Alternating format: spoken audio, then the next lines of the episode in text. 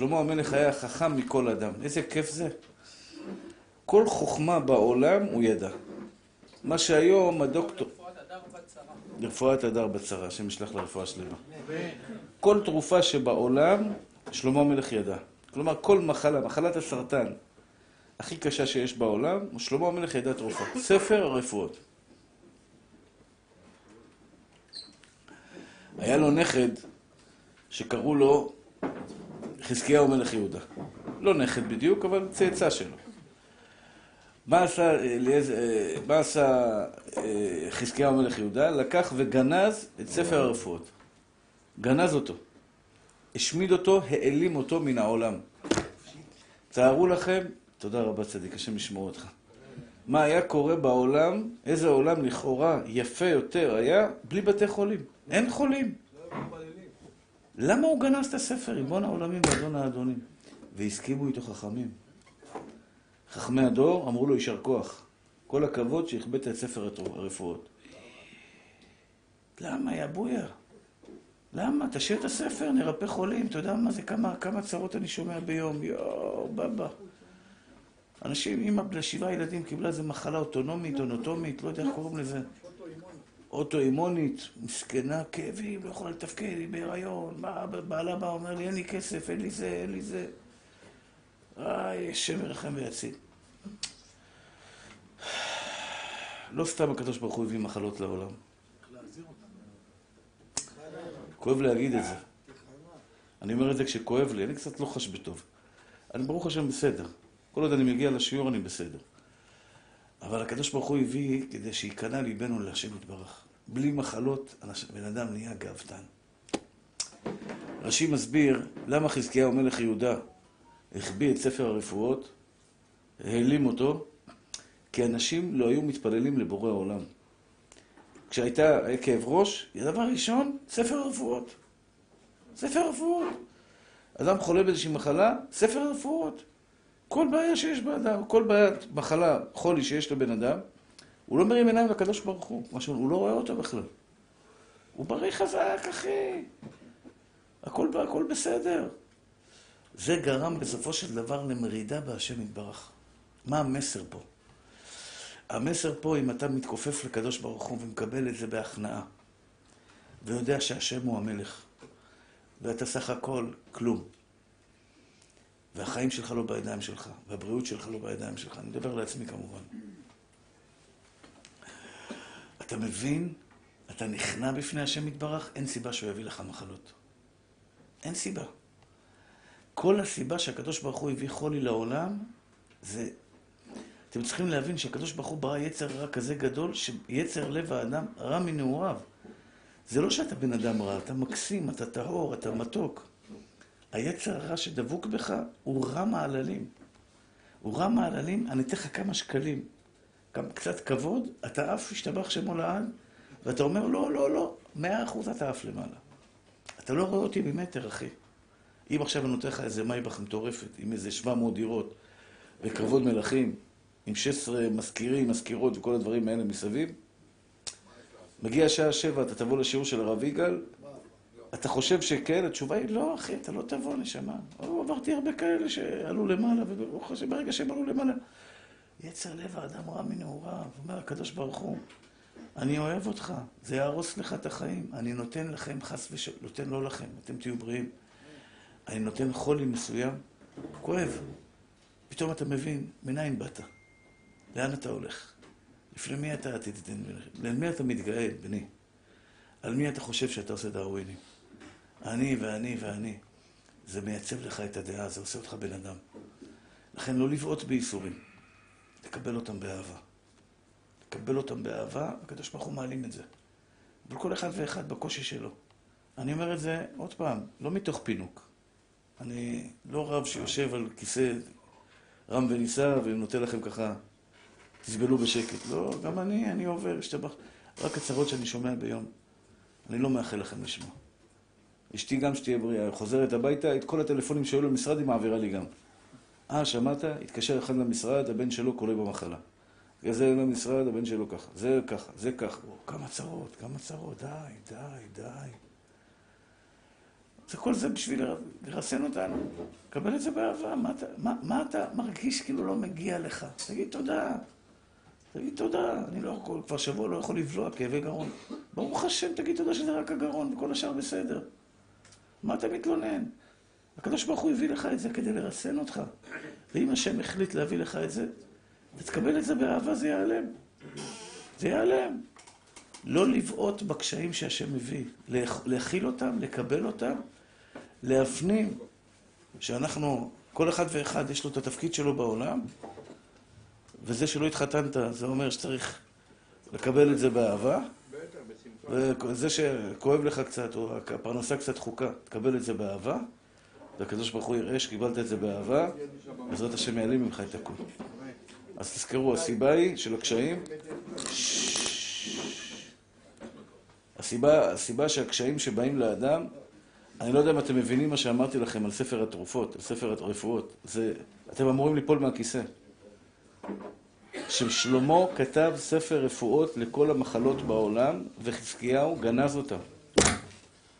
אם הייתי בדור של חזקיהו, בטיפשותי, הייתי אומר לו, מלכי, מורי ורבי, עטר את ראשי, אל תעשה את זה. אה?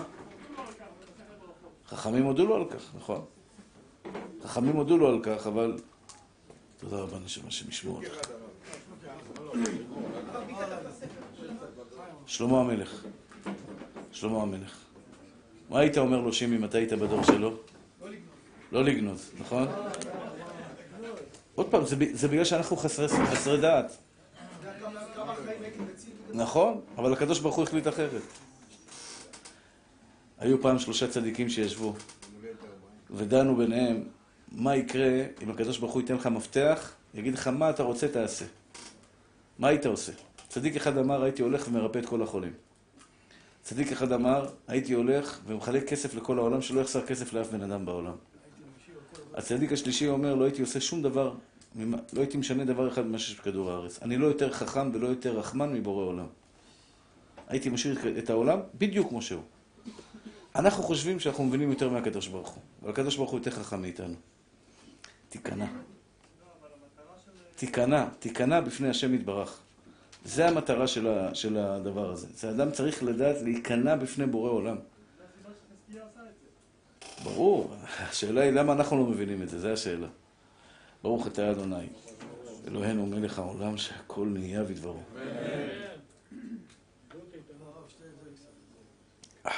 תודה רבה.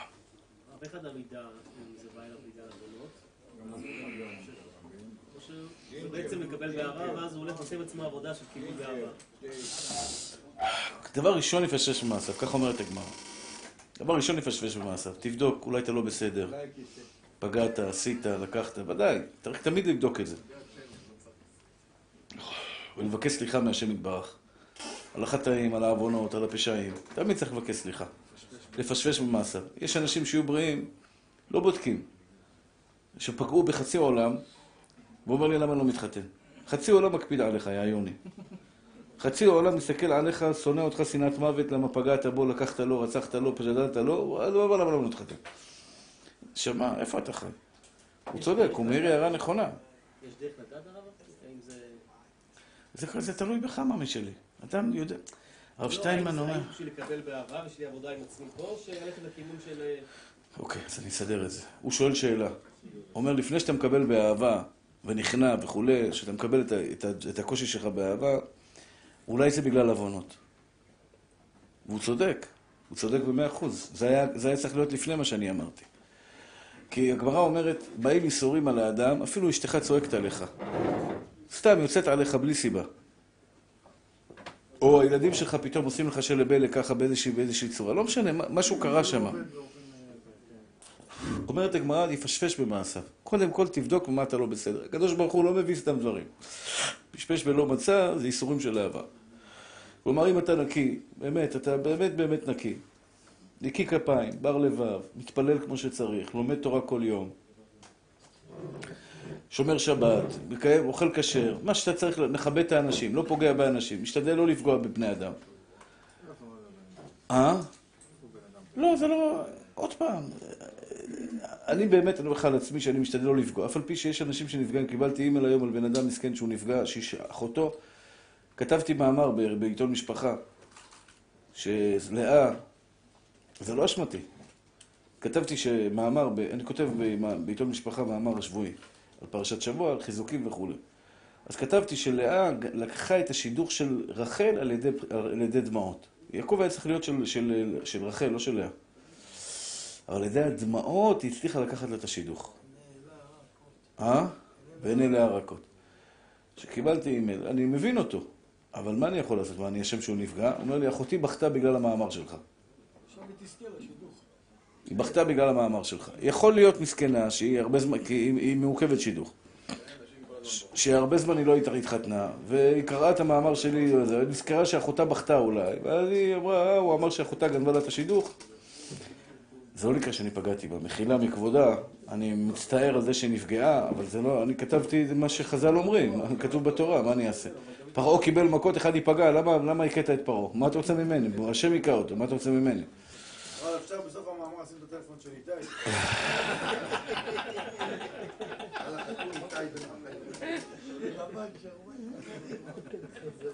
טוב.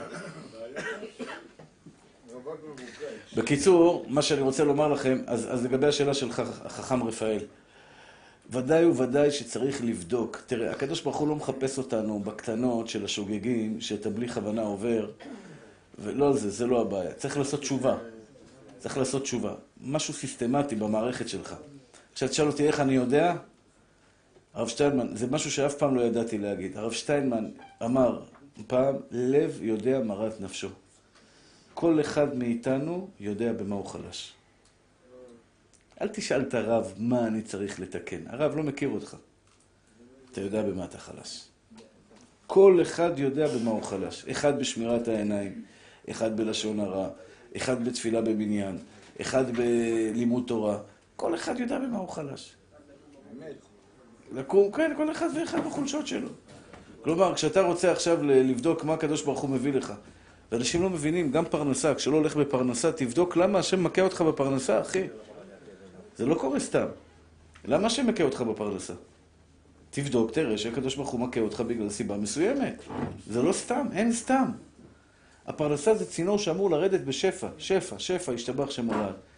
אתה עושה פלוט, אה, סתימות בצנרת, זרקת מגבונים לשירותים, אחרי זה אתה אומר למה נהיה לי סתימות. אתה, אתה סותם את זה במעשים שלך.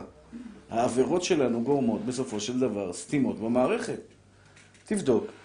חיפשת, אבל בד בבד תמיד, תמיד, תמיד, וזה, המג... וזה מה שאני אמרתי. בד בבד במקביל, גם אם לא הצלחת למצוא והכל בסדר אצלך, קבל את זה באהבה. איסורים של אהבה. מה זה איסורים של אהבה? תמיד אני אומר, תזכרו את זה. היה פה יהודי שאומר לי, זה שיעור ששינה לו את החיים. אמרתי, מי שיודע לקבל באהבה קשיים וכאבים, ולקבל אותם באהבה, שים חגורה, כי הקדוש ברוך הוא הולך להעיף אותך למעלה. תזכרו מה שאני אומר לכם. אני בטוח בזה במאת האחוזים. אם אנחנו נדע לקבל את מה שהשם עושה איתנו, בכניעה, באהבה, אני אוהב אותך בורא עולם כשכואב לי הגרון. אני אוהב אותך בורא עולם כשקשה לי. שקשה לי, ו- ואני מודה ומתוודה, קשה לי. יש לי תקופות שקשה לי. יש, יש לי ימים שאני פשוט לא מצליח כבר לזה, כל האנשים מחפשים אותך, זה, זה, זה, אתה הולך לפה, אתה הולך לשם, תבוא לפה, תבוא לשם, בצורה הזויה. כן, השאלה מתי יש לי זמן. אז, אז, אז אני לא מתלונן, אני אומר, אם עכשיו אתה אומר לקדוש ברוך הוא, ריבונו של עולם, אני אוהב אותך, אני מקבל באהבה את מה שאתה נותן, אומר לקדוש ברוך הוא, תרימו אותו למעלה, כי זה גבר בלמטה. כי זה גיבור אמיתי. כניעה. גיבור זה לא אדם שעושה שופוני הפוך, זה אדם שנכנע בפני השם יתברך. נכנע בפני השם יתברך. מלכלכים עליך, מדברים עליך, עושים לך. לא רואה אותם, אחי. לא רואה אותם. מאת השם אתה הזאתי נפלט בעינינו, זה היום עשה השם לגינה לעצמך בו. הקדוש ברוך הוא אחרי זה ירים אותך למעלה וירים אותך בגבוה, הכי גבוה שאפשר. בדיוק, אבן מעשו הבונים, הייתה לו ראש פינה. כל הגדולים בעם ישראל היו גיבורים בלמטה, והם הצליחו בלמעלה. קשה לפעמים. כל אחד ואחד מכם יודע מה אני מדבר. הרגעים האלה שלא הולך, שלא זה, שלא מסתדר. ואתה מרים עיניים לקדוש ברוך הוא ואומר לו, למה, למה? אומר לך, הקדוש ברוך הוא בוגד. למה אתה שואל למה? כשנתתי לך שאלת למה? אל תשאל למה. אני איתך באש ובמים. זה חבר אמיתי. אמרתי לכם, אני מאוד אוהב את המשפט הזה. חבר אמיתי זה אחד שגם כשאתה לא בסדר איתו, הוא לא ישכח את שהיית בסדר איתו. אתה יודע, אם פישלת איתי פעם, אני לא אשכח את כל הרגעים הטובים שעשינו ביחד. אני אשתוק, יעלים עין, אחי. יבליג. בסדר, הוא משלנו. זה לא פייר שאתה תהיה איתי בסדר שנתיים, שלוש, ארבע, חמש, פתאום פעם אחת עשית טעות, דיברת, לא יודע, משהו עשית. קורה שבני אדם נופלים. ואני מוחק אותך. לא רוצה לראות אותך, לא רוצה זה, מה קרה, בן אדם? אתה שוכח לי את הימים הטובים? ואני אומר גם לנשים, שיברו את הנשים. בעל מקסים, לתפארת, מתוק, אתה יודע, עשה טעות. טעות, לא ענה לה בטלפון, כי ענה לה בטלפון, הלך לפה, הלך לחבר, לא אמר לה, עשה טעות. רוצה להתגרש. את לא מתביישת? את לא מתביישת? בושה וחרפה. סליחה על הביטוי, בושה וחרפה. עשרים שנה הוא משרת אותך כמו עבד נרצע. הוא עושה לך מבוקר עד פעם אחת הלך לחבר, שכח להודיע, אתה יודע, רצה קצת לנקות את הראש. שכח. רוצה להתגרש, לא רוצה להיות איתו. מה קרה? אין, אין שום ערך למה שהיה ביניכם במשך עשרים שנה. זה לא טוב. אותו דבר גם לצד השני. אשתו עשתה טעות. אני לא מדבר על חס ושלום בגידות, דברים כאלה. אני מדבר על טעויות שקורים בבית, כל בית. טעות, קרתה טעות, האישה ככה, זה, זה ככה, זה ככה, זה ככה. פתאום, אתה יודע, הוא יוצא עליה, מוחק אותה. אמרתי לכם, אין לי הרבה חברים. אבל החברים שלי, אם הם לא יהיו נאמנים, לעולם לא יהיה חבר שלהם. חברים שלי חייבים להיות נאמנים, כי אני נאמן אליהם. אני נאמן לאנשים. אני נאמן, אחי.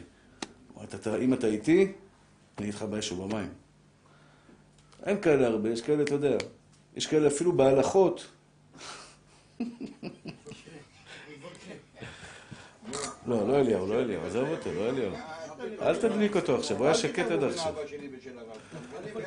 יש כאלה בהלכות גם, בהלכות. פעם אחת אתה אומר אסור, פתאום הוא אומר לך, מה, הרב, אתה מחמיר עלינו? בוגד. עשרים שנה אני מקל לו, הייתי רב מקסים, מצוין. כן, הרב יגאל, אתה רב טוב. פעם אחת החמרתי אדם, לא מתאים לו.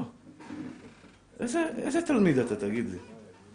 יש כאלה, יש כאלה שעזבו אותי בגלל שפסקתי להם הלכה בדבר מסוים. הלכו לרב אחר. אני שמח שהם הלכו, אני לא רוצה אותם איתי. אני לא רוצה אותם איתי. זה לא, בעיניי זה לא חבר, אני לא רוצה להיות בסביבת אנשים שיורידו לי את הנאמנות שלי לבורא עולם ולאחרים. אבל אתה יודע, הרב שלך, זה הרב שלך. גם אם הוא יגיד לך אסור לנשום, אתה לא נושם. אם הרב שלך יגיד לך לא, נושם, לא, לא לנשום, אתה לא נושם. קח מסכת חמצן. אתם מבינים מה שאני אומר? זה בן אדם נאמן. אני, אני, אני מבקש מכם ומזהיר, ומזהיר אתכם במקביל. אל תהיו בוגדים. בחיים שלכם אל תבגדו בן אדם שעשה לכם חסד באש ובמים. באש ובמים. האישה שלכם תהיו נאמנים אליה. עכשיו, זה לא רק זה, לפעמים בא לך איזו אישה יפהפייה, אומרת לך, שלום, מה נשמע, מה העניינים, ואתה גם כן, אתה יודע, נסחף, פתאום אתה רואה, אתה נסחף לכיוון לא בריא. נשמה, עין רואה, אשתך לא רואה, נכון? היא בבית עם הילדים, מטפלת, הכל בסדר. עין רואה, אוזן שומעת, וכל מעשיך בספר נכתבים. מה הקדוש ברוך הוא רואה? שאתה לא סופר את אשתך שעשרים שנה אשתך הולכת אחריך באש ובמים? אתה לא נאמן אליה? הקדוש ברוך הוא מחזיר במידה כנגד מידה. ואחרי זה אנשים אומרים, לא הולך לי פה זה ולא הולך לי בזה. מה אתה עשית שלא הולך לך? מה אתה עשית? תהיה נאמן. אותו דבר נשים, אישה, בעל, יש לה בעל מקסים, זהב טהור, פתאום בא אליה גבר, אומר לה, מה נשמע? במקום שתוריד את הנעל ותיתן לו את הכפכף ישירות למצח, בום אחד גדול, ותגיד לו, תסתלק מפה חצוף, אני אישה נשואה. שתיים סוכר. כן? כן? וואו, מה את עונה לו בכלל? מה את עונה לו? ואת אישה נשואה, ריבונו של עולם. איפה הנאמנות שלך לבעלך? זה נקרא אנשי אמונה, עבדו. אבל אנחנו בעזרת השם נהיה תמיד נאמנים, גם לקדוש ברוך הוא. גם אם אתה נמצא במדבר, עוברת אישה יפהפייה, אתה לא תסתכל עליה, גם אם אף אחד בעולם לא רואה אותך. מאמין לבורא עולם, לא אבגוד בו לעולם. לא אבגוד בו לעולם. טוב, סליחה ששיתפתי איתכם קצת את, ה... ככה, את הכאב שלי. לחיים, לחיים, התיקון שלי, לחיים.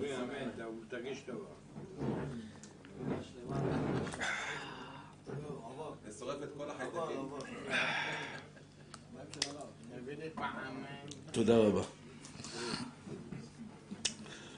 אוקיי. אנשי אמונה בשלמות עבדו, אבל חלק, חלקים יש. אם אתה תהיה איש אמונה, אפילו 80 אחוז בשביל הקדוש ברוך הוא זה כמו 100 אחוז. אנחנו לא 100 אחוז, אף פעם לא נהיה 100 אחוז. גברים אמיתיים. 100 אחוז לא נהיה, אין מה לעשות, אין לנו את ה-DNA של זה. אבל לפחות נשתדל. נשתדל. אתה מבין? יש ניסיונות לכל אחד. כל אחד מכם יעבור ניסיונות עם, עם נשים. אישה יפה, אתה במשרד, אתה בחדר, אתה בא, עושה לה תיקון בבית, מדברת איתך. הקדוש ברוך הוא בודק אותך, נשמה, אתה בוגד בי או לא בוגד בי? זה ניסיון, אחי. כל אחד מכם יעבור אותו. כל אחד יעבור אותו. אתה צריך להיות חזק. עכשיו, אם, אם שמרת על זה, השתבח שמולד, שפע אינסופי, שפע אינסופי. כמה חסד ירדוף אותך. אני הקטן אומר לכם, אני אומר את זה כל השיעורים שלי. אתה יכול לראות באשתך את מלכת היופי, אל תסתכל בחוץ, אחי. את כל האוכל שלך תקבל בבית שלך, נשמה שלי. גבר, הקדוש ברוך הוא ברא אותו עם תאוות. בדרכו של עולם. יש לנו תאווה, אני לא יכול להתכחש אליה. אה? בסדר, אני אומר אותו דבר, אותו משקל. גם לאישה יש תאווה, אתה צודק. אבל את התאווה שלך אתה יכול למלות. יש אחד שיש לו... ש... ש... כמה פעמים פגשתי אנשים שבוגדים. סליחה, אני משתמש במילה קשה. יש לו מישהי מהצד. אני אומר לו, כיף לך? אני שואל אותו, לכאורה הוא צריך להיות הכי כיף בעולם. יש לו שתיים. הוא אומר לי, הרב, אין לי יום ואין לי לילה. אני לא יכול להסתכל על אשתי בפנים כי אני, אני נגעל מעצמי. והיא רק רוצה כסף ורוצה את זה ורוצה את זה ורוצה את זה. אין לו כלום. כן, כל היום לשקר לזאת, לשקר לזאת, לברוח לזה, לברוח לשם. עזוב אותך, אחי, תסתכל על אשתך. אני אומר לכם, אחים יקרים שלי, אני מתכוון לכל מילה שאני אומר. אתה יכול להסתכל על אשתך ולראות בה את הדבר היפה ביותר בעולם. אני רואה את זה באשתי. אני רואה את זה באשתי. היא שואלת אותי, אתה רוצה שאני אתאפר? אני אומר לה, לא. בעיניי יפה, אני לא מחפש בחוץ, זה לא מעניין אותי. שלא מחפש בחוץ, האישה שלך הכי יפה בעולם. כשאדם מחפש בחוץ, הוא אומר, יואו, יואו, יואו, יואו, יואו, הוא בא הביתה, לא יפה לו. לא יפה לו. בבית שלך הכי טעים בעולם, אחי. זה החוכמה הנפלאה שהשם הוריד בתורה הקדושה. החוכמה הנפלאה, עבר קטן יש לו לאדם, משביעו רעב, מרהיבו שבע. כשאדם, אדם עכשיו יש לו יצר הרע, אומר לך הקדוש ברוך הוא, ת, ת, ת, תרעיב אותו, כלומר, תשמור אותו רק לעצמך, אתה תהיה שבע. אתה תשביע אותו, אחי, אתה תהיה רעב כל הזמן. לא צריך, לא צריך. אוקיי, נתחיל את ההלכות. חמשת מיני דגן, שהם, אני אחזור בקצרה על מה שאמרתי שבוע שעבר. על חמשת מיני דגן, שהם גפן, תאנה, רימון, זית, תמר, מברך לאחריהם ברכה אחת מהן שלוש. שבוע שעבר אמרנו, האם זה דאורייתא או דרבנן? ברכה אחת מהן שלוש. האם זה דאורייתא או דרבנן? מחלוקת גדולה בפוסקים. לגבי דבר אחד מרן פסק שזה דרבנן, לגבי שאר דברים אנחנו מחמירים שזה דאורייתא. כלומר ככה, האם ברכה אחת מהן שלוש היא דאורייתא או דרבנן? מה נפקא מינה? שאלתי אתכם שבוע שעבר, ועניתם לי יפה מאוד. מה נפקא מינה רבי מרדכי, אם ברכה אחת מהן שלוש היא דאורייתא או דרבנן? כל הכבוד, יפה מאוד. איך? עמידה ישיבה. שינוי מקום לא קשור. שינוי מקום לא קשור. לא קשור. לא. האם אפשר להפסיק באמצע הברכה לענות יהיה שמר הבא? האם באמצע הברכה אתה יכול להפסיק? עכשיו אתה מברך ברוך אתה השם אלוקינו מלך העולם על המחיה ועל הכלכלה ועל תנומת השדה, טללם טללם, ואז פתאום אתה שומע קדיש, יהיה שמר הבא מברך. לענות אמן או לא לענות אמן? לא. לא. אם זה דאורייתא, אסור להפסיק. אם זה דרבנן, מותר להפסיק. למשל, אני אמרתי לך אם באשר יצר. אם יצא עכשיו משירותים ומברך אשר יצר, הוא שומע פה ברכו את המונאי המבורך, עונה עמהם, באשר יצר עונה. באמצע הברכה, עונה, ברוך השם המבורך לעולם ועד. או יהיה שמר רבה, או אמן של קדיש, או, קדוש קדוש קדוש השם צבאות וברוך כבוד השם במקומו, עונה אמן יחד איתם, ב, כי, כי, כי אשר יצר זה דרבנן. אבל אם תאמר שברכת על המחיה, ועל הגפן, ועל העץ ועל פרי העץ, זה דאורייתא, יש, רוב הראשונים סוברים שזה דאורייתא. ממילא, כמו ברכת המזון. ברכת המזון, מותר להפסיק באמצע ברכת המזון לענות או אסור? קדיש, אז מותר להפסיק בברכת המזון? קדושה, מותר לענות ברכת המזון? ברכו את השם המבורך, מותר לענות ברכת המזון? אסור, שום דבר. ברכת המזון, כמו תפילת שמונה עשרה. רק מתי מותר להפסיק את ברכת המזון? ברחמן. ועוד דבר שבאמצע ברכת המזון מותר להפסיק, פיקוח נפש. גם תפילת שמונה עשרה, אותו דבר, אדם מתפלל שמונה עשרה, הדיילת באה אליך, צועקת לך, sit down please. אתה מכיר את זה? קרה לי את זה פעם בדרך להונגריה, איזה מקום הייתי, התחלנו להתפלל מנחה, ופתאום היה קצת במפים. אז סימנו, איך קוראים לזה? הדיילות היו אנטישמיות שם. סתם שטויות. הן לא יושבות עם חגורה, הן אומרות להם תשימו חגורה. לפעמים הדיילות עצמן שמות חגורה, זה באמת, כי אני אומר שתשמע, יש פה משהו רציני. כשהדיילות יושבות ושמות חגורה, שזה, זה סימן שבאמת יש פה, יש פה כיסי אוויר רציניים. אבל לפעמים זה סתם איזה קפיצות קטנות. הדיילת מתחילה, ואנחנו עמדנו 18 כבר. עמדנו 18. פתאום, sit down! לא, לא התייחסנו אליה. לקחה את הרמקול, sit down sit down! התחילה לצרוח, שמע ישראל, כולם ברחנו, הלכנו לשבת בכיסא. תראה, מה אתה עושה? אי אפשר יכול להתרכז. אבל לדבר אסור. לדבר אסור. באמצע שמונה עשרה אסור לדבר. בשום פנים ואופן. רק מלך גוי שואל בשלומו, הוא יכול להרוג אותו, יענה לו. הנה על אבו כתב האבא שביעתה והמלוכה שלך, מה אתה מפריע לי באמצע התפילה? אבל, אבל בעיקרון, בעיקרון, ברעיון, אתה לא יכול, אתה לא יכול להפסיק באמצע תפילת שמונה עשרה. אז כמו... והמשכת את השמונה עשרה בישיבה? בישיבה, כן. בגלל זה מי שמביא את החס וחלילה, את הבן שלו הקטן, שהוא מפריע בתפילה, הוא יכול לקחת אותו החוצה ולהמשיך את התפילה בחוץ. כן, יפה מאוד. כן, אם הבן הקטן,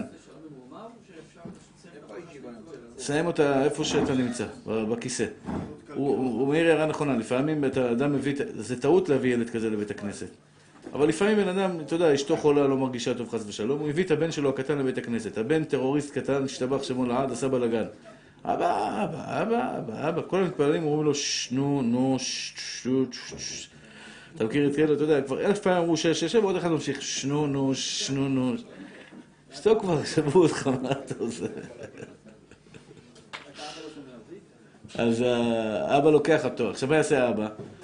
מותר לו לקחת את הבן, מותר לו לקחת את הבן, לקחת אותו החוצה ולהמשיך להתפלל שם בחוץ. זה צורך ציבור. אוקיי, אותו דבר עם אישה מתפללת בבית, סתם ככה, זה, אני, אני, אני אומר לכם הלכות שלא קשורות, אבל הן הלכות חשובות. אישה עכשיו מתפללת בבית, מתפללת 18, ופתאום הבן הקטן בא עם פצצת סירחון. בא והחיתול שלו השתבח שם הולד, מפיץ ריח, ניחוח אישה להשם. אז uh, היא לא יכולה להתפלל, אסור להתפלל. גם אם חס ושלום, בתפילת מנחה של שבת, זה זמן מועד לפורענות, לריחות לא נעימים בבית הכנסת. כן, אז לפעמים אתה מתפלל שמונה עשרה ופתאום ריח ניחוח אישה להשם, תפסיק להתפלל, אסור לך להתפלל. בגלל זה עדיף להתפלל מנחה גדולה. לפני שזה... לפני שיהיה בלאגן. כן. אבל בעיקרון, בעיקרון, אם יש ריח רע בחדר, אסור להמשיך להתפלל. תפסיק עד שיעבור ריח, עד שיעבור זעם. עד שיעבור הריח. אוקיי, נחזור לעניין שלנו. רב, אם אתה נושם דרך הפה.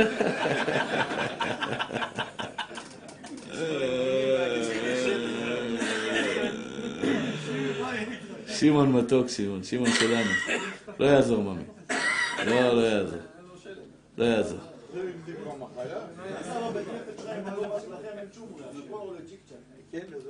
לא, לא יעזור. לא יעזור. ננשום מהפה.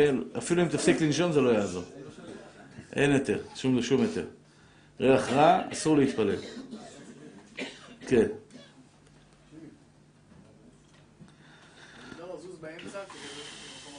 אין, אם אתה ב-18 אין מה לעשות, הרב פעמים אחד משחרר לך על הראש.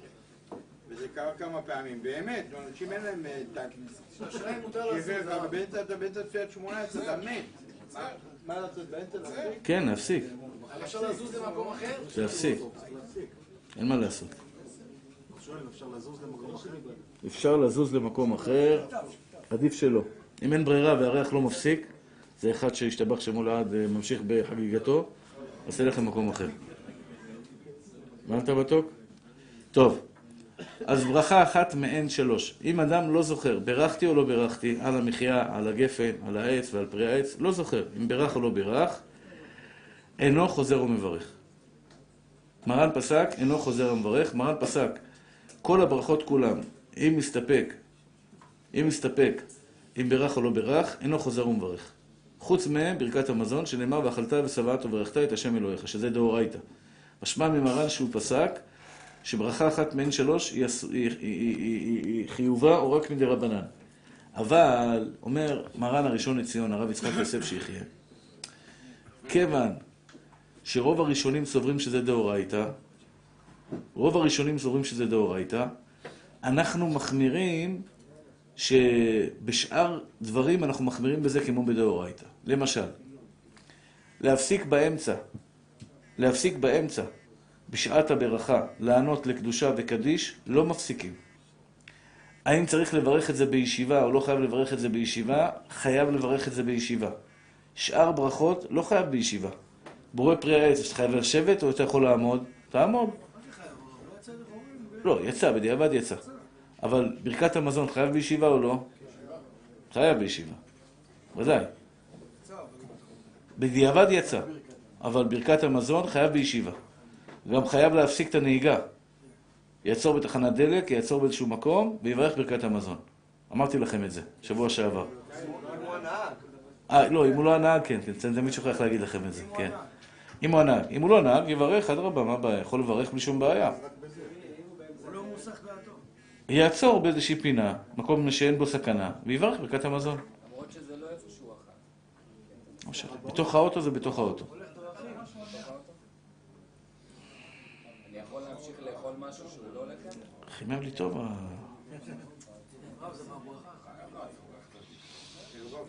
כן, אפשר לאכול משהו שהוא לא לחם ולהמשיך?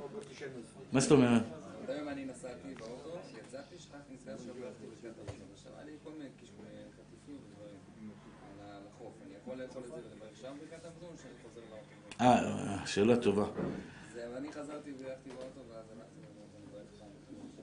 אתה צריך לברך באותו מקום. אתה חייב לברך באותו מקום. אוקיי, אוקיי. אז אה, מה, איזה עוד נפקא מינות יש, אם זה דאורייתא או דרבנן, להפסיק באמצע, לשבת בשעת הברכה. לכתחילה בברכה אחת מעין שלוש צריך לשבת בשעת הברכה, ככה ההלכה. לא להפסיק בשום דבר. אה, מה עוד, מה עוד, מה עוד, מה עוד, מה עוד? אה, רק דבר אחד אנחנו מחמירים שזה מדי רבנן, ולא חוזר, זה אם יש לו ספק, אם אה, בירך או לא בירך, ספק אם בירכת או לא בירכת, אינו חוזר ומברך. עכשיו, האם, מה קודם, ברכה אחת מעין שלוש, או ברכת בורא נפשות? זה תלוי, זה תלוי הרב. כן, מה תלוי? אם עכשיו, אם עכשיו אנחנו שתינו עכשיו אה, בירכנו שהכל, ואז המעין שלוש לא יפתור את, ה, את המיץ, אז אני אברך נפשות, ואחרי זה, או אני אברך מעין שלוש, ואז אני אברך נפשות. אבל אם עכשיו אני אוכל פרי ירק או משהו, ואז יש ספק שהמעין שלוש יפתור, אז אני אברך נפשות על המלפפון, ואז אני אברך... אה, ולמה זה? כדי לצאת ידי חובה, שלא נפתור. למה יש צד לומר שהוא פותר? כי השדה. תנובת השדה, יפה מאוד, כל הכבוד. תשובה מצוינת נתת. אני אסביר את זה ונמשיך הלאה. אני, אמשיך, אני אסביר את זה ונמשיך הלאה. מי יצאו? אוקיי. אה, ככה. יש לי עכשיו, אכלתי אה, במבה ואכלתי קוסקוס. מה אני מברך ברכה האחרונה? קודם כל, על המחיה, או קודם כל בורא נפשות? התשובה היא, קודם כל בורא נפשות, אחרי זה על המחיה. כל דבר שהוא תנובת השדה, תקדים קודם כל בורא נפשות ואחרי זה על המחיה. כל דבר, מה זה תנובת השדה? פרי האדמה או העץ. כל דבר שגדל מן האדמה או מן העץ זה פרי האדמה, תנובת השדה. אם אכלת למשל או, סליחה. תפוח אדמה וקוסקוס. אכלת תפוח אדמה כזית, וכזית קוסקוס. מה תברך קודם? קודם כל בורא נפשות, אחרי זה על המחיה. כי אם תברך על המחיה, לפי הרב עובדיה לא תוכל לברך בורא נפשות. כי על תנומת השדה פותר אותו. יש חולקים על הרב עובדיה, אמרתי לכם, הרב משה לוי חולק על הרב עובדיה. אבל אנחנו חוששים למרן רבנו עובדיה יוסף, ומברכים קודם כל בורא נפשות. אז ככה, אם שתיתי רביעית מים, ואכלתי ביסקוויטים, או בורקס, שתיתי רביעית מים, או רביעית של אה, משקה אחר, לא משנה איזה סוג של משקה, שתיתי רביעית בבת אחת, אתה תברך קודם כל על המחיה ואחרי זה בורא נפשות. כי מים זה לא תנומת השדה. ביצים, דגים, עוף, זה לא תנומת השדה. פטריות, לא תנומת השדה, יפה מאוד. אבל אם אכלתי תנומת השדה כמו אה, תפוח אדמה, פירות האדמה, פירות האילן, אז קודם כל תקדים בורא נפשות, אחרי זה על המחיה. ההלכה הזו ברורה לכולם, יש מישהו שלא הבין את ההלכה הזאת? אני רוצה להתקדם הלאה. אם אנחנו חוששים לרב עובדיה זה, אנחנו בעצם לא עושים לך שאלה צריכה? לא, כי עובדיה- ודאי שחז"ל תיקנו ברכה נפרדת. רק בדיעבד, אומר הרב עובדיה יצא. אתה שואל שואל שאלה מצוינת, אבל זה ודאי רק בדיעבד, לא לכתחילה. וגם רוב הראשונים לא הזכירו את הדין הזה, אז ודאי, אנחנו לא חושבים דין סבל לדבר הזה. בסדר? אוי, בבלה. מה אתה אומר? במבה? אבל זה תנומת השדה, ממי. כן, כן, בהחלט. אז גם בירה לכאורה. בירה? לא. לא. אוי, בבא. בירה רובה משקה. למה אתה לא מברך על בירה ברור מיני מזונות? אבל גם במבה אומר, יש במבות שזה לא. יש במבה- רק במבה אוסם זה הרוב בוטנים, כל השאר זה לא. רק בבמבה אוסם זה... אבל זה תירס, ממי, זה תירס. תירס, ודאי. מה, במה, לגבי מה? בבן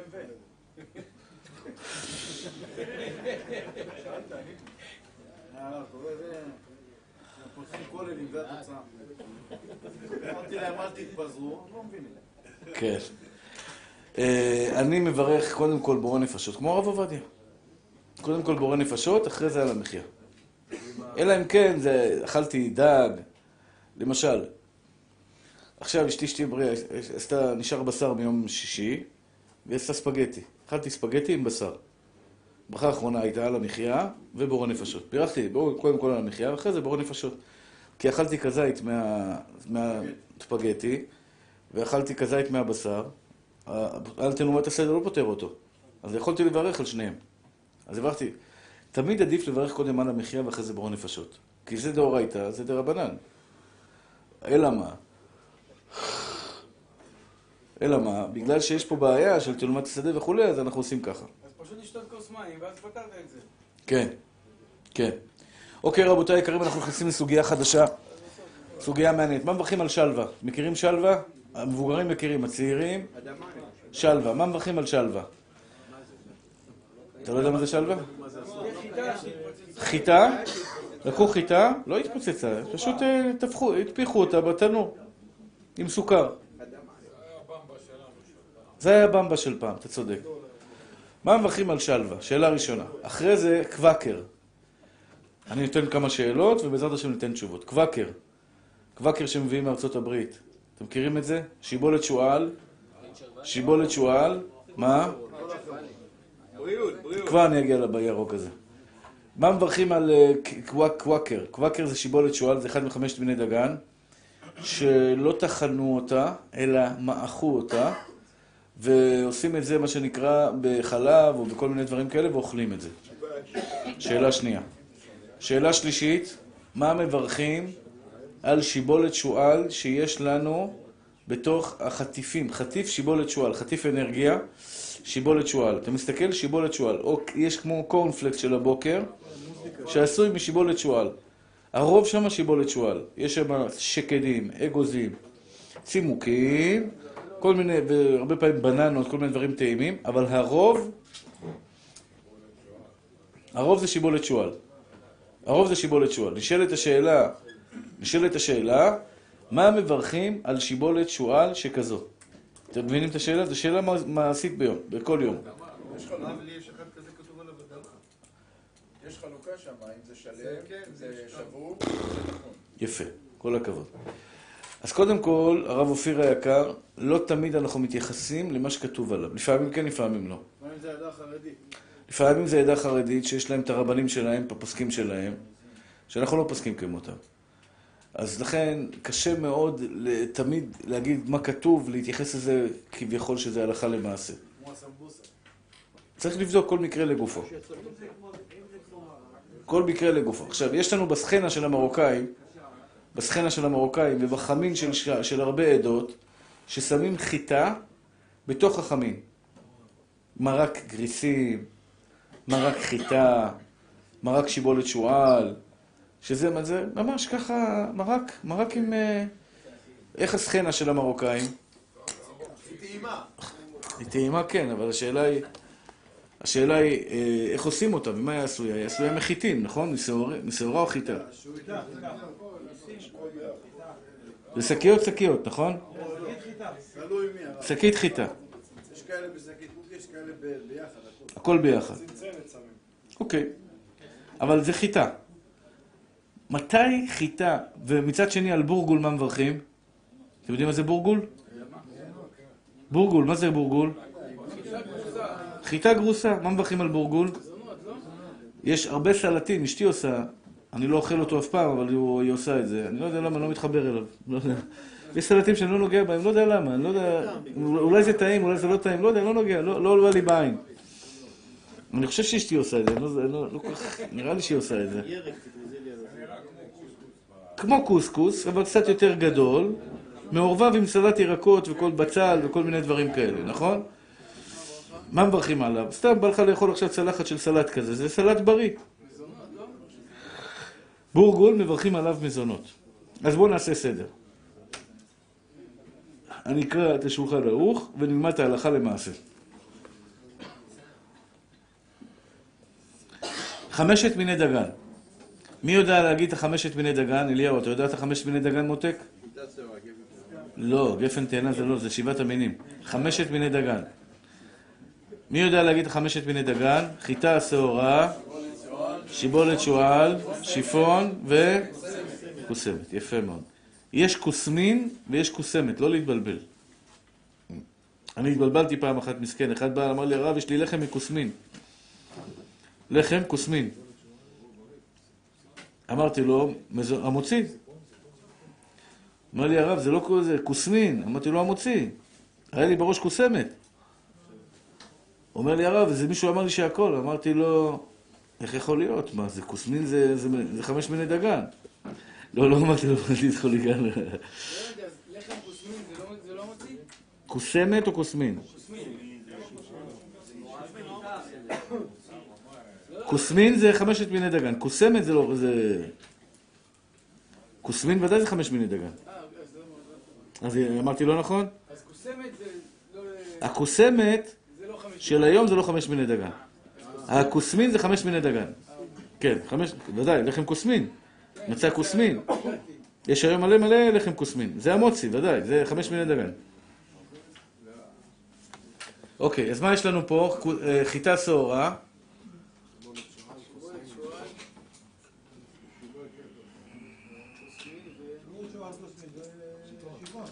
שיבולת שועל, כוס- אה, כוסמין ושיפון, יפה מאוד.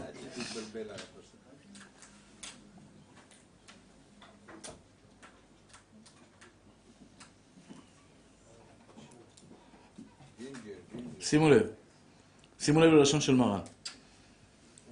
אומר מרן, חמשת מיני דגן שחילקן או קטשן ועשה מהם תבשיל כגון מעשה קדרה, הריפות וגרש, כרמל ודייסה, מברכים עליו בורא מיני מזונות. כלל ראשון, חילוק ראשון. חיטה, שעורה, כוסמת, שיבולת שועל ושיפון, או חילקת אותו, או קטשת אותו, נהפך להיות בורא מיני מזונות. חילקתי לשתיים. אפילו בא עם המתוקים האלה? כן, חילקת אותו או קטשת אותו. כלומר, חיטה שלמה, מברכים עליה אפויה, מטוגנת, מבושלת, בורא פרי אדמה. חיטה חתוכה או קטושה, ברכתה בורא בני מזונות. חילוק פשוט. לכן אני מגיע עכשיו חזרה, אני חוזר חזרה לשיבולת שועל. שיבולת שועל חתוכה או לא חתוכה? שיבולת שועל חתוכה או לא חתוכה? מושיקו, לא עכשיו ממי, לא עכשיו. אנשים יסתכלו על האוכל, לא לא יקשיבו לאף אחד. איך? היא חתוכה או לא חתוכה? לא חתוכה. לכן, בגלל שהיא לא חתוכה, מה מברכים עליה? בורא פרי אדמה. זה המוציא? המוצי, כשאפית אותו בתנור, ביחד עם, עם מים, כמו פת של לחם, זה נקרא המוצי. והעוגיות, לבד כביכול הרב מתכוון שהוא קטוש בזה? עם מים. לא, מתי הרב אומר שזה... לבד, לבד, לבד. כן. ילד במצב קשה, עוד פעם. רפאל בן אורטל, שהשם ישלח לו רפואה שלמה, רפואת הנפש, רפואת הגוף. אני צריך לנסוע שבוע למיאמי, אני לא יכול ככה. מיאמי אין חולים, אין זה, יש שם יאכטות ו- וים. לא אכפת לאף אחד מהשני שם, הרב. זה מה שהולך במים. טוב. תשמעו, זה היה בצחוק מאמי שלי. אה, אז ככה, חיטה, נחזור לחיטה. יש לנו אה, אה, שלוש... אה, אה,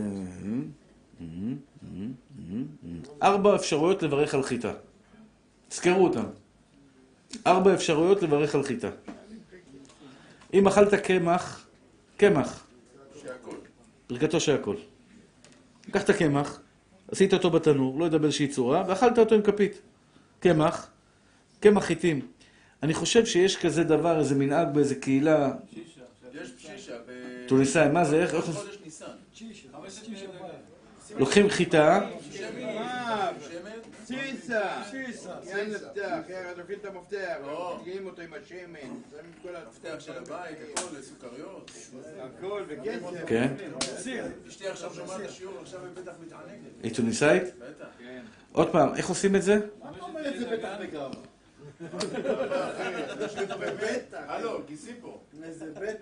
לא, טוניסאים יעלו, צדיקים. אנשים זהב. שותפים של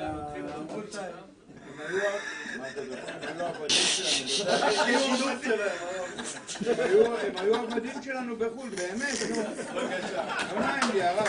אליהו! באמת, מחילה, אבל זה אבל. אני זוכר זה. שהיא הייתה עם טוניסאית.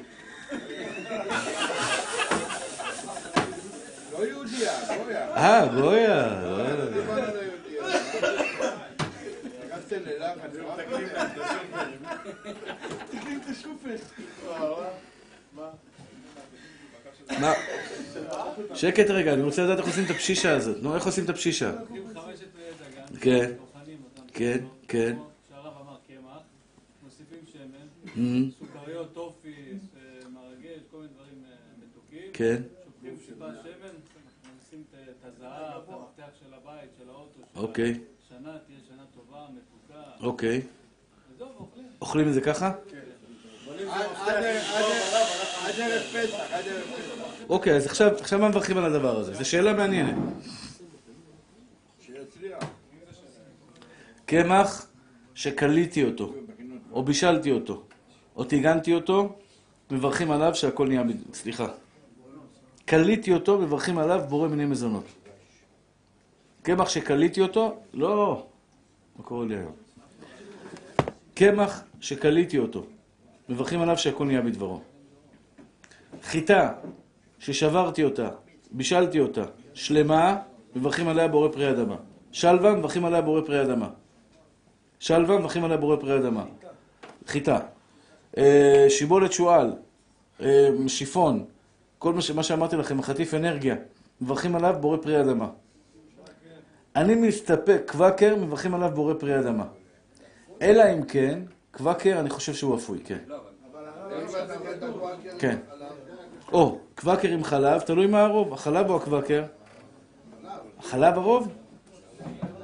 אוקיי, תלוי בך, ממי. תלוי בך, כמה, מה אתה שם, אם אתה שם יותר חלב זה שהכל, אם אתה שם יותר קוואקר זה בורא פרי אדמה. אבל אמר לי רב שמואל קוריוב שבשעה טובה מוצלחת נולד לו בן, מזל טוב, מזל טוב. אמר לי הבחור שהרבה פעמים הקוואקר הזה, הקוואקר, זה מאכל כזה אמריקאי כזה, כן? הקוואקר שאתה שם אותו עם, אה, עם חלב, הוא נימוח והוא נהיה כזה מישמש, דייסה כזאת.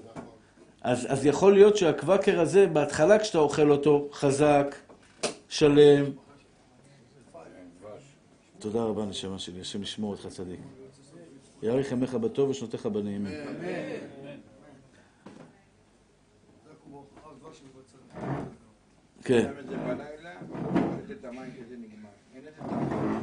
אז, אה, אז יוצא ככה, יוצא שקוואקר, קוואקר, אם אתה אוכל אותו בהתחלה עם חלב, כמו שהוא, מברכים עליו בורא פרי אדמה. אבל אחרי זה, אחרי זה מברכים עליו אה, שהכל נהיה בדברו, אה, בורא מיני מזונות. כן, אבל בדרך כלל הם עושים את זה, אתה יודע, מערבבים הרבה דברים בפנים. אז תלוי מה הרוב, כן, תלוי מה הרוב. מילת אילת שבא לתאם, אז הוא תמיד מנצח. לא לא. לא, בחמש מיני דגן שהוא תמיד מנצח זה דווקא כשהוא מזונות, לא כשהוא... כשהוא... אבל אמרנו שהקואקר הוא שהוא בחלב, והוא נימוח, אז הוא תמיד מנצח. תמיד יהיה תמיד הוא ינצח, כן. תמיד הוא ינצח, כן. אתה צודק. אוקיי, נחזור את ה... שאלתי אתכם שאלות, עכשיו ניתן תשובות. שאלתי אתכם שאלות, עכשיו ניתן תשובות. גריסים במרק, מברכים עליהם בורא פרי אדמה. גריסים. חיטה במרק, מברכים עליה בורא פרי אדמה. שלווה, מברכים עליה בורא פרי אדמה. חטיף אנרגיה, מברכים עליו בורא פרי אדמה. חטיף אנרגיה, מברכים עליו בורא פרי אדמה. אה, קוואקר, מברכים עליו בורא פרי אדמה. איך קוראים לזה, התערובת הזאת עם השיבולת שועל? גרנולה. גרנולה, מברכים עליה בורא פרי אדמה. ברכה אחרונה, בורא נפשות. ברכה אחרונה. אם היא שלמה. בורא פרי אדמה. רחמים. שלמה? כן? כן. מברכים על זה מזונות. כן, אני הייתי הולך מזונות על זה בחברה. טעות. טעות. עושים בבוקר מזה, כן, רק חיטה. חיטה, אתה לא תואם חיטה? בורא פרי אדמה. בירכת על זה מזונות? אין דבר, בור החום יכפר המון. מעכשיו אתה יודע. קובה, מזונות. קובה, מזונות. קרוטונים, הרב, קרוטונים, מה מברכים? קרוטונים יש המוצי ויש מזונות. לא בשביל מה יצרו אותם. כן. אה, מה שיצרו אותם, אם יצרו אותם... איך ייצרו אותם, בדיוק. איך הרב היה נוהג אה, בקטירה של חמין? זה לא בקוקי, זה מעורבב עם כן, הכל, שאתה לוקח. ואין דבר שניכר. האם המזונות היה פותר, פותר ב... איזה מזונות יש לך בו? אה, אדמה, סליחה, היה פותר את ה... בדרך כלל אדמה פותר הכל, כי הרוב זה אדמה. כן. שוי, בדרך כלל זה אדמה. יש משאלה יפה, אחד בא, אה, אה, אה, היה רב אחד גדול שהיה לו כלה, כלה נאה וחסודה, בתו של הרב, כבוד הרב, הבת של הרב.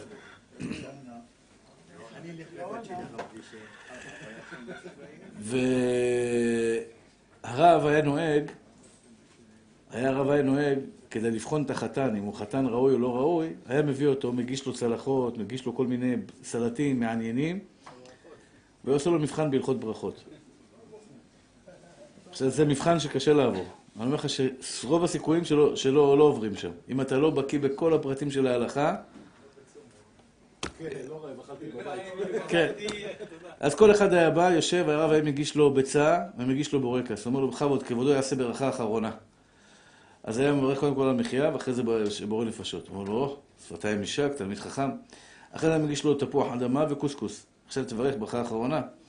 היה מברך גם כן ברכה, ברכת על המחיה, ואחרי זה בורא נפשות. הוא אומר לו, בור ועם הארץ יצא, יצא מביתי. יצא מביתי.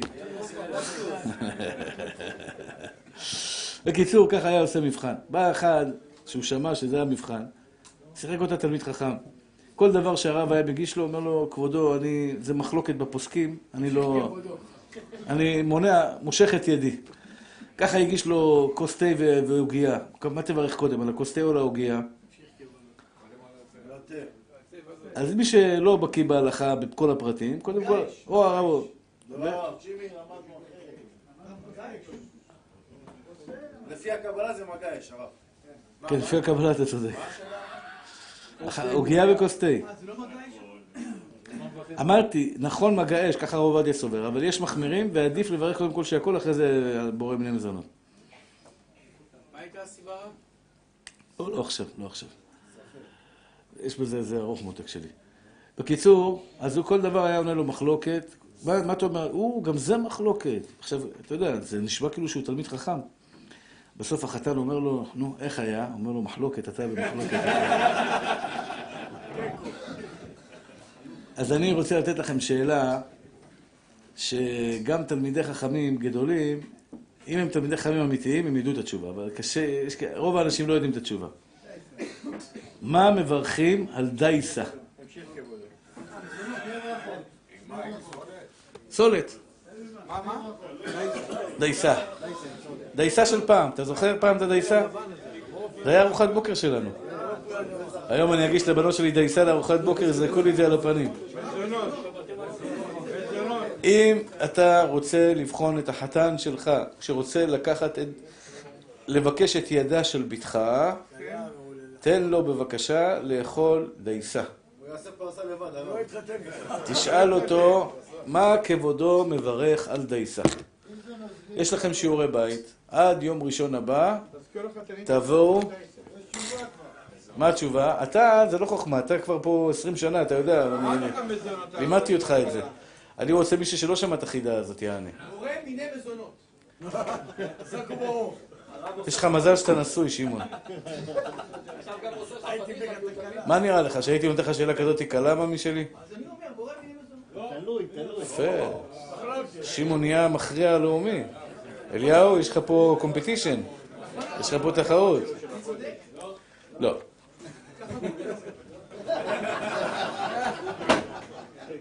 גאווה. וואי.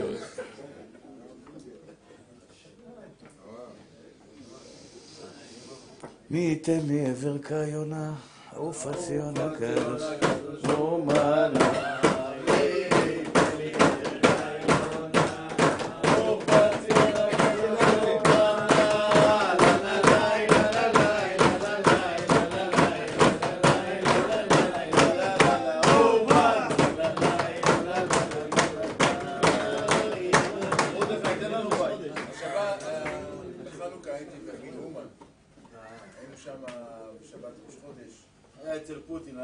לא. אה, בעזרת השם, שיחדש ימינו כקדם. אומר חפץ חיים עליו השלום, תשמעו מתוקים אהובים שלי. או אם היה לנו שכל, רבי דוד, אם היה לנו שכל, ג'ונם, אם היה לנו שכל, תאמין לי. אומר, אומר, אומר חפץ חיים עליו השלום, מידת הגאווה היא הגורם העיקרי ללשון הרע. ראית את ההוא וההוא וההוא וההוא, ומה אתה? אתה יותר טוב? אני? העדה שלי, ישר, ישר מתחת כנפי השכינה הגענו. אנחנו, לצערנו הרב, מי שמדבר לשון הרע, חוטא בוודאי בחטא היוהרה.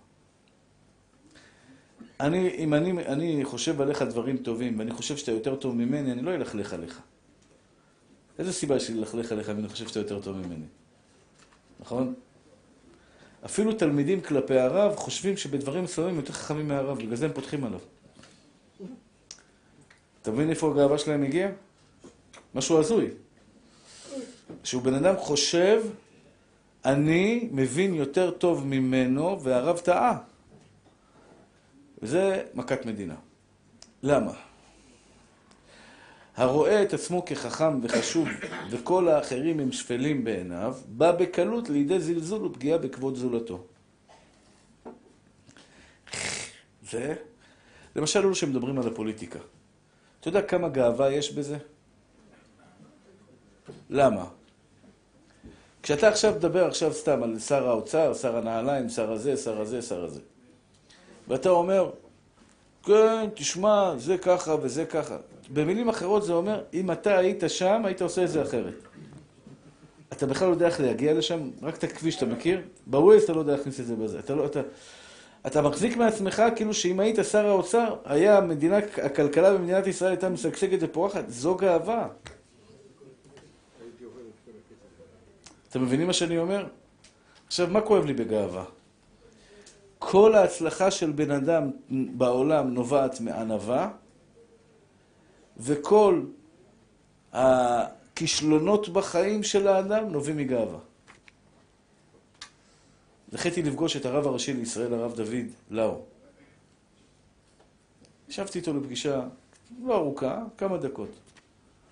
אבל דבר אחד ראיתי שופע ממנו בצורה יוצאת מן הכלל. ענווה. עכשיו, אני טיפוס מאוד חוקר.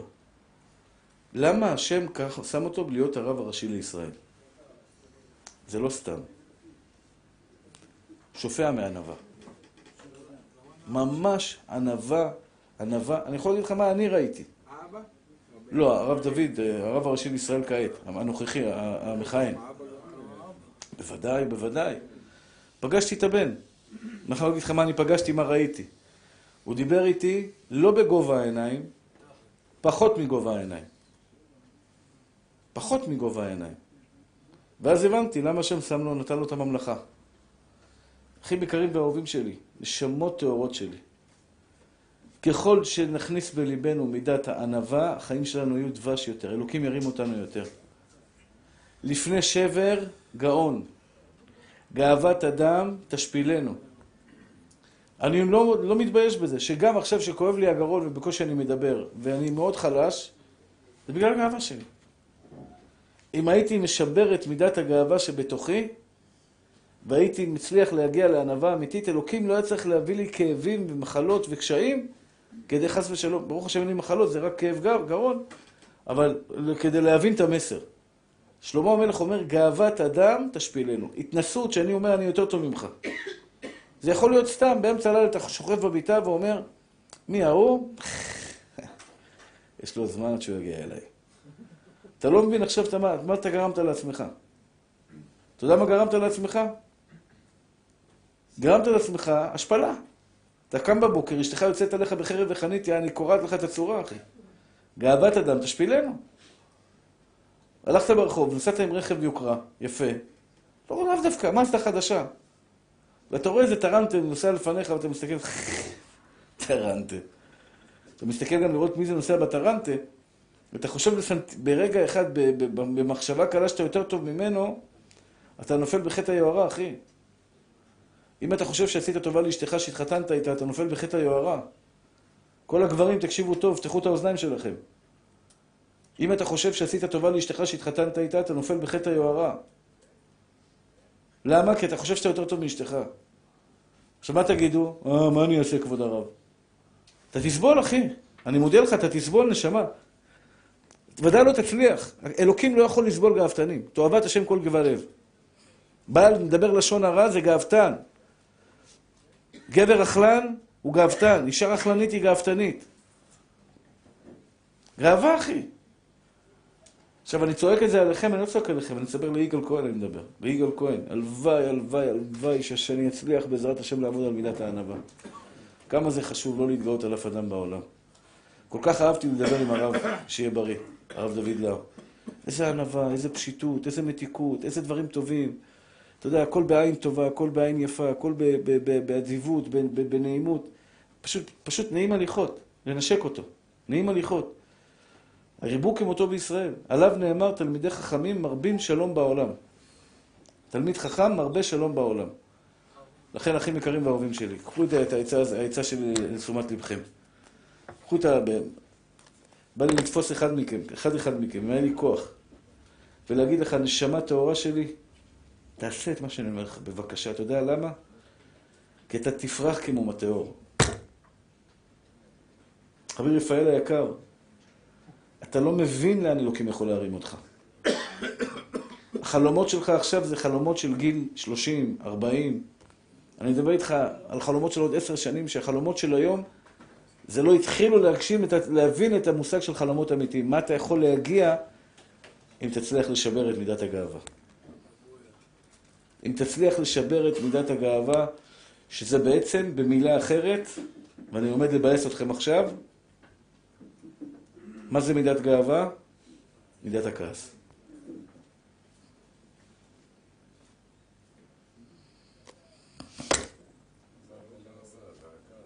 כעס, תחזור אחורה, זה גאווה.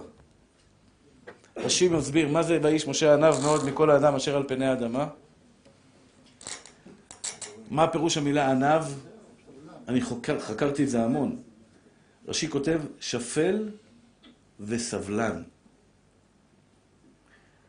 אני בודק את זה בעצמי. נו, נו, נו, נו, יאללה, יאללה. אתה לא סבלן, אחי. סימן לגאווה. לפעמים ילדים מוצאים אותך מדעתך. אתה בא לעשות הבדלה, נו, צדיקים, בוא נעשה הבדלה. רגע, אבא. אבא, אני מתקלחת. אין נעל, מה אני מתקלחת? אני רוצה לעשות הבדלה. אתה מבין? אתה לא סבלן בובלה? אתה לא אנוונטן גם. עניו, סבלן. סבלן. הווה מקבל כל אדם בסבר פנים יפות. כן, אדוני, מה רצית בבא שלי? אני ממהר, יש לי עשר שיעורים על הראש, אנשים מחכים לי, טלפון הנהג מסכן, אומר לי, הרב, חייבים לצאת.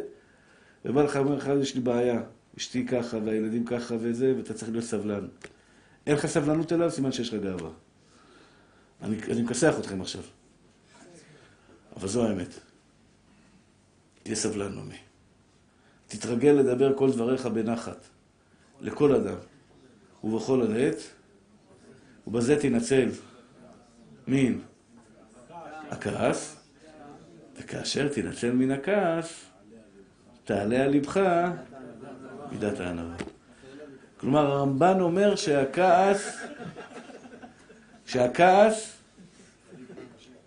הוא בעצם בא מאיפה?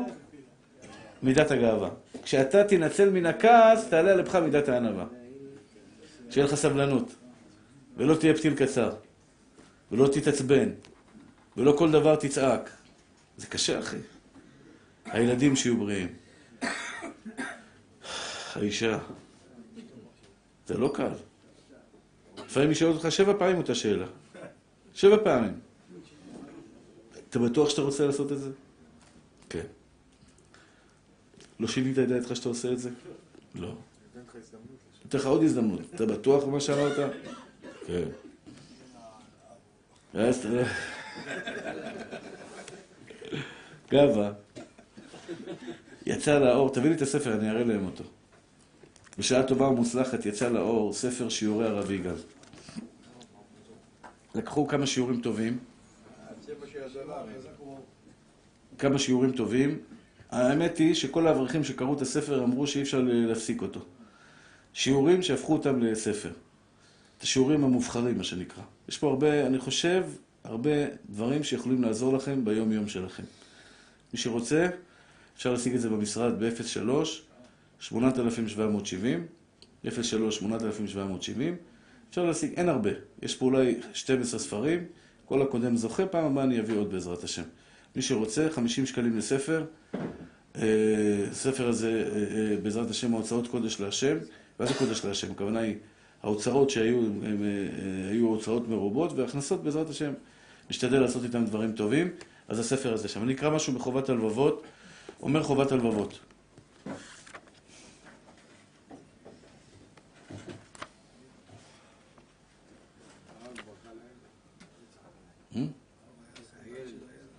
איזה ילד?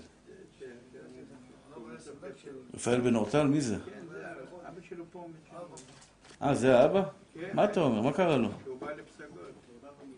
אוי ואבוי, למה?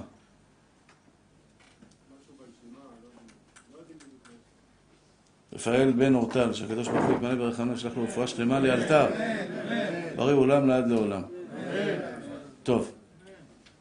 שמואל היקר אתמול ביקש לידה, זה תראו אמונת חכמים, יש לו אמונת חכמים לשמואל. ביקש ברכה ללידה קלה, תוך חצי שעה השתבח שמו ללידה ראשונה, בום. עכשיו, זה, אני בירכתי הרבה אנשים, זה המצחיק. הרבה אנשים בירכתי ללידה קלה.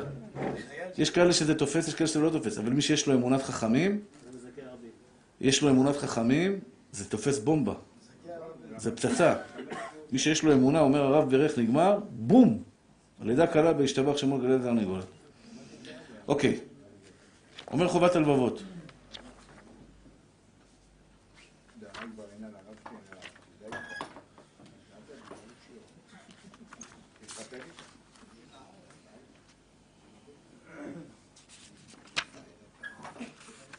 איפה הייתי? כן. והטעות השלישית, שאם הוא באמת נותן לבני ביתו ומשפחתו וכן לעניים מהכסף, אמרנו, הטעות הראשונה, הטעות הראשונה שהוא משיג את הכסף בצורה לא טובה. הטעות השנייה, הוא קמצן. יש לו כסף, הוא לא נותן לילדים שלו. אומר לו, בנדיט חוליגן, זה הכסף של הילדים שלך, זה לא שלך בכלל. אלוקים שלח לך שתיתן לילדים שלך, או שתיתן לעניים. טעות שלישית, שאם הוא באמת נותן לבני ביתו וכן לעניים מהכסף שהוא מרוויח, כמו שגזר הבורא יתברך, אבל כל הזמן הוא זוכר ומזכיר להם את הטובה שהוא עשה עמהם. אני קניתי לכם, אני עשיתי לכם, אני הבאתי לכם, אני נתתי לכם, או שהוא בא לעני, אומר לו, אל תשכח כמה נתתי לך עד היום. אתה מבין? הוא עושה טעות. אתה מאבד את השכר של הנתינה. זה כמו שגבר בא לאשתו ואומר לה, אל תשכחי כמה פרנסתי אותך, אל תשכחי כמה נתתי לך, אל תשכחי כמה ככה וכמה ככה וכמה ככה. יבכה עלק בקה, למה אתה עושה את זה? זה לא יפה. זה לא יפה. בדיוק. זה לא טוב. איפה הגבול בין, אה, אמרת שללמד אותם על הלהעריך, בין... אה, שאלה יפה, כל הכבוד. כל הכבוד.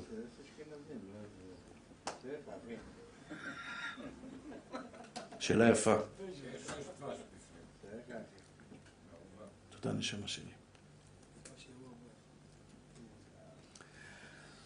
הוא שואל שאלה יפה, אני אסביר את השאלה שלו. אני אמרתי לעולם, אל תזכיר לאנשים שעשית להם טובות, מה זה טובות שעשית להם, כי זה... יכול להיות שלכך נוצרת. כמו שאמרתי לכם, שלפעמים גבר חי בגלל אשתו, לא מגיע לו חיים, אבל אשתו מגיע לו בעל, אז אלוהים, אלוקים משאיר אותו. לפעמים אישה חיה בגלל בעלה, לא מגיע לה לחיות, אבל בעלה מגיע לו אישה, אז היא חיה.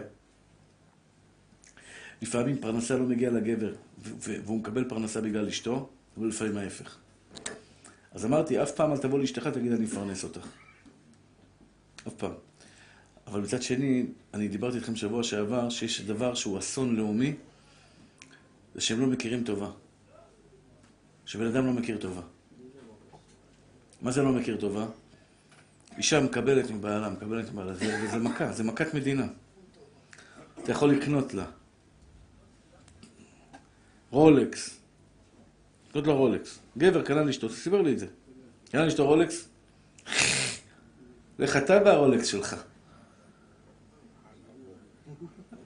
אמרתי לו, לך. למומחה עכשיו בבני ברק, תני לה קסיו ב-26 שקל, קסיו שחור, זהו, היא לא תרד לה את הקסיו, רק קסיו תיתן לה.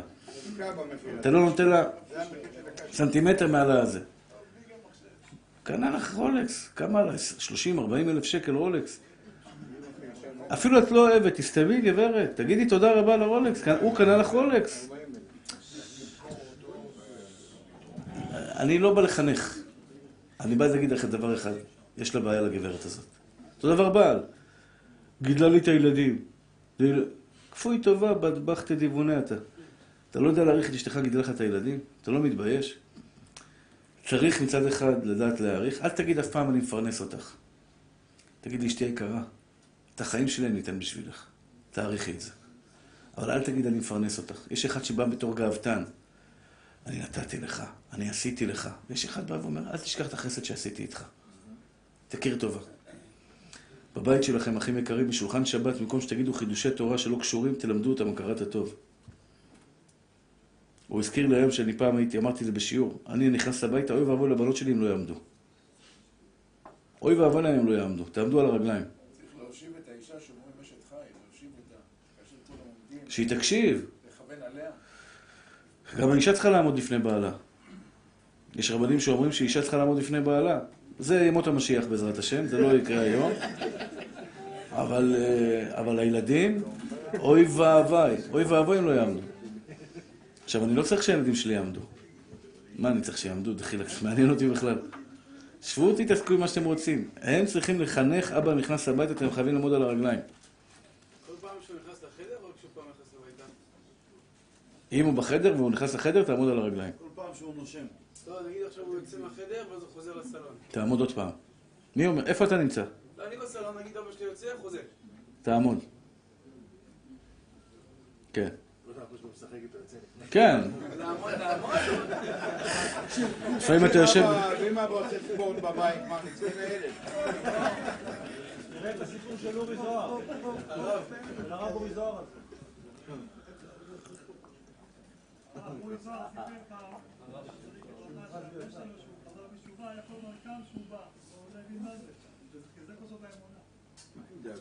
יפה מאוד. יפה מאוד. כן. יפה מאוד. אוקיי. והוא מצפה שיודו וישבחו לו שבחים רבים. אתה אל תצפה שהילדים שלך ישבחו אותך. אבל בלב שלהם חייבים להעריך. ושיעבדו, והוא מתגאה ומתנשא בלבו ואינו מודה לקדוש ברוך הוא על שהזדכה לפרנס אחרים. נכון, אם האבא בוחר על כבודו, לא חייב לקום. מה שאני רוצה לומר לכם זה דבר פשוט. יש פה מצד אחד חובת הלבבות, מצד אחד השאלה של המתוק הזה. חובת הלבבות אומר, בחיים שלך אל תתגאה, תגיד, פרנסתי את הילדים שלי, נתתי לילדים שלי, עשיתי לילדים שלי, נתתי לילדים שלי, בחיים שלך אל תעשה את זה. מצד שני, מי יחנך אותם להכיר טובה? וואלה, אני משתגע מזה. מי יחנך בדור שלנו להעריך ולהכיר טובה? הכרת הטוב. הכרת הטוב להורים, לחברים, למשפחה, לאישה, לילדים. אתה צריך, אתה לא צריך לבוא לילד להגיד לו, שמע, אני פרנסתי אותך, חס ושלום. לא, אתה יכול להגיד לו, אבל אמא עכשיו הביאה לך את זה, אז אותה, ואז אותו דבר. יפה מאוד. או שאתה נותן לו כסף, אתה אומר לו, אבא עבד קשה בשביל זה. השם שלח לנו את הכסף, זה נכון, אבל תעריך שאבא משקיע בך. לא אני מפרנס אותך.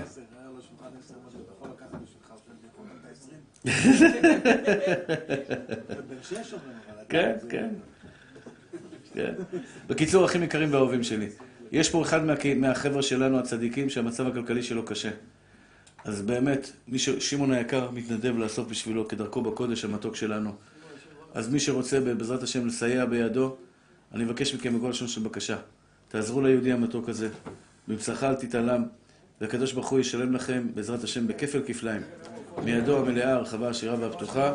ברוך אדוני לעולם, אמן ואמן. רבי חנן בן הקשה אומר, רצה הקדוש ברוך הוא לזכות